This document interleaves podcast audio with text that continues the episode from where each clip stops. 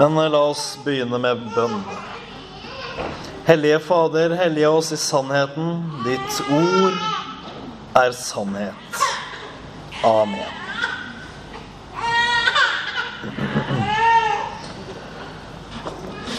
Vi begynner med å ta en titt på den mannen vi møtte. Den blinde mannen. For å være blind for 2000 år siden, det var ingen spøk.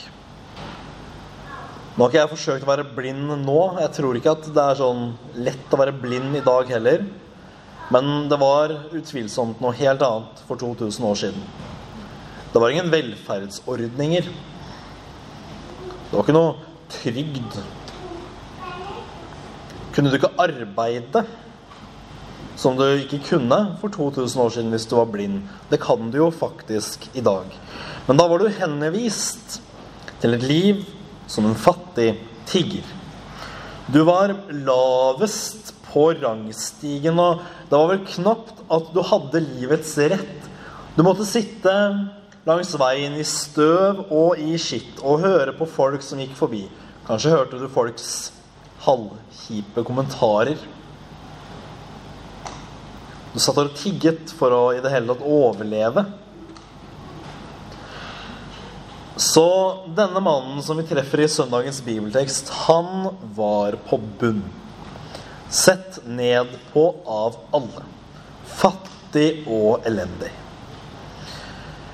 Men hva er det som skjer idet han en dag sitter ved veien utenfor Jeriko, denne byen, og tigger?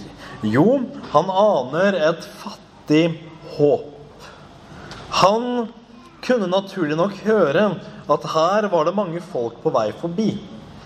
Og han snappet sikkert og kanskje opp at det var Jesus fra Nasaret som var årsaken til denne folkemengden.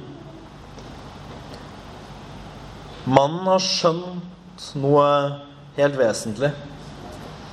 Han har skjønt at han har et problem. Og han har skjønt at Jesus er løsningen på dette problemet. Kan vi si det samme om oss selv? Vi som lever i dag, og som attpåtil faktisk kan se. Vi kan vel ha lett for å tenke med oss selv at vi ikke har noen store problemer. Jeg er sånn omtrent så snill som jeg klarer. Jeg gjør mitt beste. Og da må vel Gud være fornøyd med meg. Det er vanskelig å si tydelig nok hvor alvorlig galt det er å tenke på den måten. Fordi saken er jo den at selv om vi ikke skjønner det selv, så ligner vi den blinde mannen. For det første er vi blinde. Åndelig sett er vi totalt blinde og ser ingenting. Uten hjelp eller støtte roter vi rundt i et totalt mørke. Vi er ikke i stand til å se lyset selv om det skulle være rett foran oss. Ved dette mørket forkludres alt.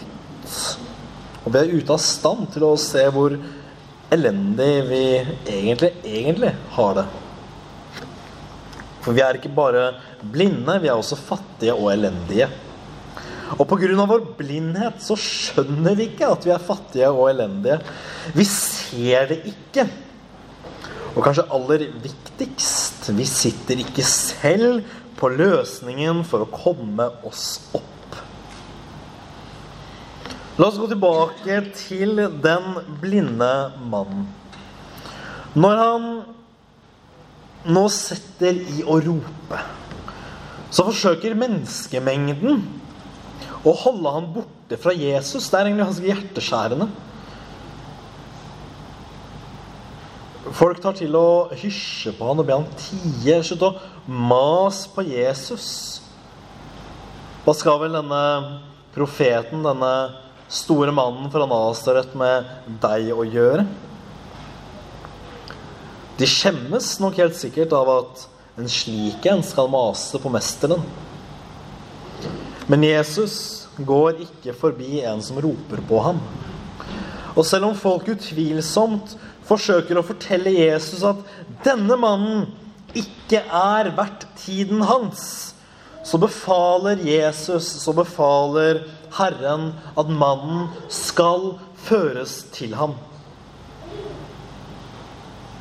Og Det er jo åpenbart ikke uten nederlag for de som har prøvd å si til Jesus at han mannen der skal du ikke bry deg om. Og når dette skjer, da skjer det store underet. Et under mannen kanskje har hørt at Jesus har gjort på andre. Spedalske, lamme og slike, menn på seg selv. At han skulle få oppleve det. Noe så stort kunne han vel ikke se for seg, men når han ber 'la meg få synet', så lar Jesus sin gudsmakt stråle ut med helbredende krefter, så han får synet igjen. Og mannen får synet. En stor ting i seg selv, men er det nok?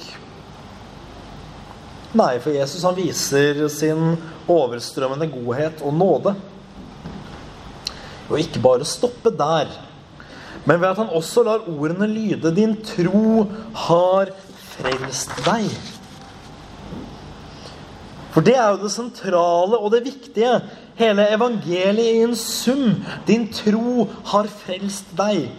Jo da, mannen han ville nå få et bedre liv. Utvilsomt. Synet var tilbake. Han kunne arbeide. Han kunne slutte å tigge og bygge seg opp et godt liv, kanskje gifte seg hvis han var ung fremdeles, og slike ting. Men en dag så skulle han jo dø igjen, og når som helst kunne han bli syk igjen og bli enten lam og blind og hele pakka. Han var ikke beskyttet fra det for resten av livet, og det var heller ikke poenget.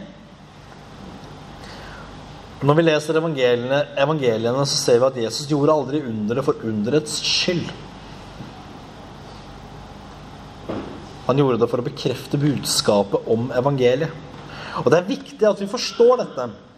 For det er en av de mange tingene som gjør at evangeliet er et troverdig ord. Han som kom med det gode budskapet, han hadde makt til å gjøre under. Noe som bekrefter budskapet.